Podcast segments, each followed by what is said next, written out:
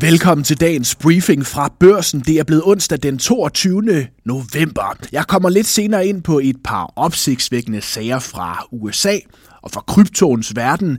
Og så skal det også handle om det vilde danske jobmarked. Jeg hedder Lasse Ladefod og er ramt af årstidens stoppede næser bærer over med mig. Her er dit nyhedsoverblik. Vi starter på det danske arbejdsmarked, som bare bliver ved med at bulre derudad. Sidst der kom tal for udviklingen i øh, beskæftigelsen i Danmark, ja, der røg den op over den magiske grænse på 3 millioner lønmodtagere. Og nye tal fra tirsdag cementerer, at arbejdsmarkedet fortsat er bum stærkt. Fra august til september steg antallet af lønmodtagere med 3.100 personer, holder, altså over, holder sig altså over 3 millioner. Hvis man går tilbage siden øh, september sidste år, så er lønmodtager beskæftigelsen steget i 11 af 12 måneder. Og det sker alt sammen til trods for, at dele af økonomien faktisk har vist svaghed, og at Danmark faktisk er i en teknisk recession. Hvordan det kan lade sig gøre, det kan du høre til sidst i briefingen. Inden vi når dertil nogle af dagens øh, erhvervsforsider. Forsiden af børsen præges af Mikkel Mørk. Han er tidligere konstitueret departementchef i Grønland, HR-chef i Danfoss og sprogofficer i Forsvarets efterretningstjeneste. Og så er han stifter af den dansk dominerede kryptofond ARK36 på Kypern, som har et øh, 60 millionbeløb under forvaltning. Med side, men sideløbende med det, så er Mikkel Mørk investor i den kypriotiske sundhedsklinik Poseidonia Medical Center. Det er en klinik, der har tjent millioner på at behandle, øh, behandle tilrejsende udenlandske patienter med blandt andet importerede stamceller, som kan være i strid med loven. Hvordan alt det hænger sammen, det kan du læse i børsen i dag. På forsiden af Berlingske Business finder man i dag Brian Mikkelsen. Han er direktør i Dansk Erhverv, tidligere konservativ topminister. Og øh, Mikkelsen han angriber nu SVM-regeringen og regeringens 2030-plan for at være blottet for planer og visioner for, hvordan man gør den offentlige sektor mere effektiv. Det er en kritik, der kommer efter en ny analyse fra Dansk Erhverv, der slår fast, at der ikke har været nogen fremgang i produktiviteten i det offentlige siden 2015.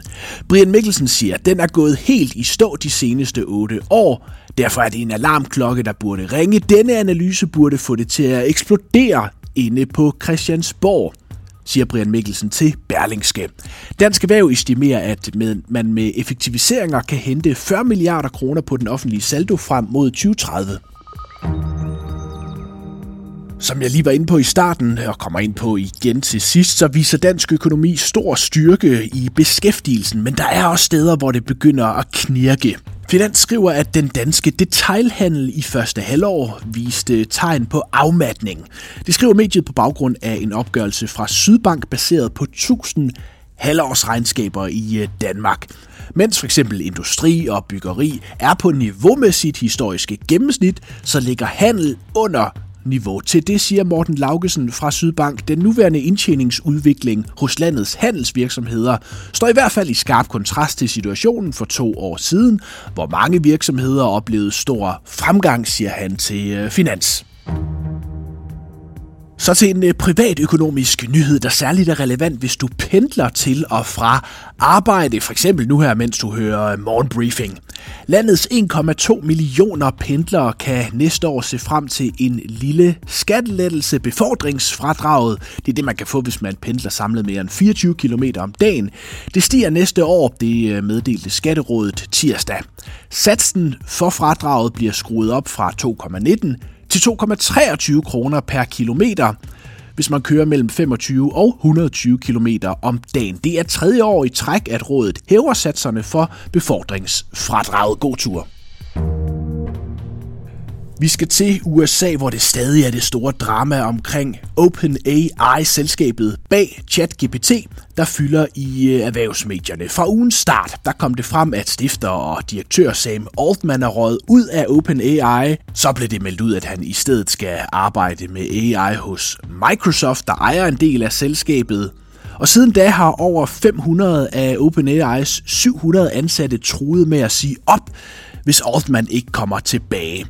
Og skriveriet her natten til onsdag har blandt andet været, at han rent faktisk forhandler om et comeback til OpenAI.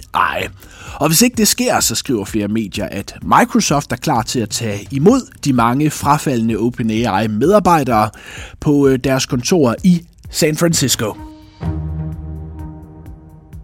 Og vi bliver i øh, USA og endnu en nyhed fra kryptoens verden. Binance, som er en af verdens største kryptobørser, er ramt af en øh, kæmpe skandale, som nu er endt med, at Binances stifter, Changpeng Chao, han øh, erklærer sig skyldig i hvidvask, og han skal betale en bøde på 50 millioner dollar, og selve virksomheden erklærer sig også skyldig og skal betale hele 4,3 milliarder dollar, altså for påstået hvidvask.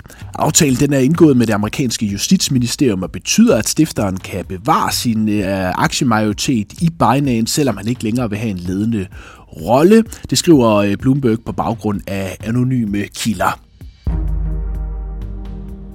På aktiemarkedet blev der i særdeleshed holdt øje med Nvidia, den store chipkæmpe fra USA, der kom med regnskab efter at Wall Street lukkede i aftes. Overordnet set så mødte Nvidia de øh, store forventninger. Man var faktisk lidt over forventning på resultaterne, men øh, man advarede om øh, nogle negative tendenser i det kommende kvartal på grund af eksportrestriktioner, der øh, vil påvirke Nvidias salg til Kina og andre lande. Lige efter børsluk, der faldt Nvidia med omkring 1%. Generelt så var der ret dårlig stemning i øh, USA i tirsdagens handel. Den amerikanske centralbank Federal Reserve udsendte et referat fra sit seneste rentemøde. Her øh, er der ingen indikation på, at man er på vej mod at sænke renterne. Det skuffede investorerne. S&P dykkede 0,2%, Nasdaq 0,6%. I Danmark der faldt til 25 med over 1%. Mærsk, Genmap og Ørsted endte i bunden.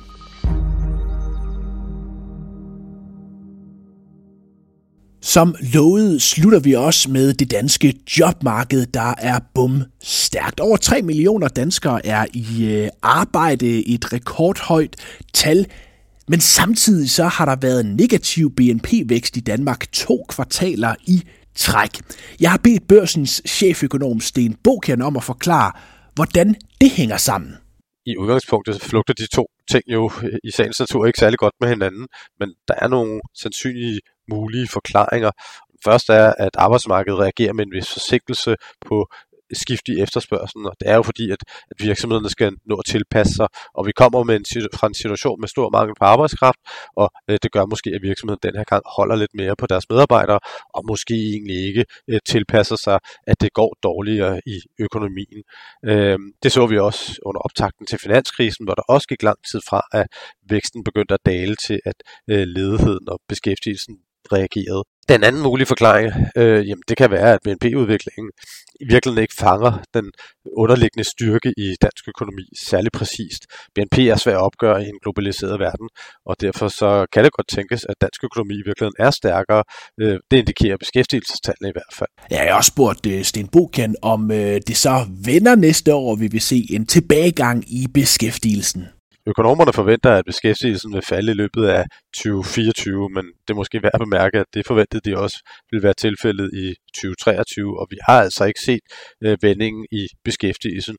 Men det er klart, at hvis efterspørgselen bliver ved med at svigte på det globale plan, jamen så må vi også forvente på et eller andet tidspunkt, at det øh, udmyndter sig i en faldende beskæftigelse herhjemme. Vi har indtil videre kun til stigende ledighed, men det skyldes mere teknik med hensyn til, hvor mange der er i arbejdsstyrken. Det er ikke et udtryk for svaghed, men hvis øh, den svage efterspørgsel fortsætter, jamen, så må vi forvente, at, at beskæftigelsen også begynder at falde.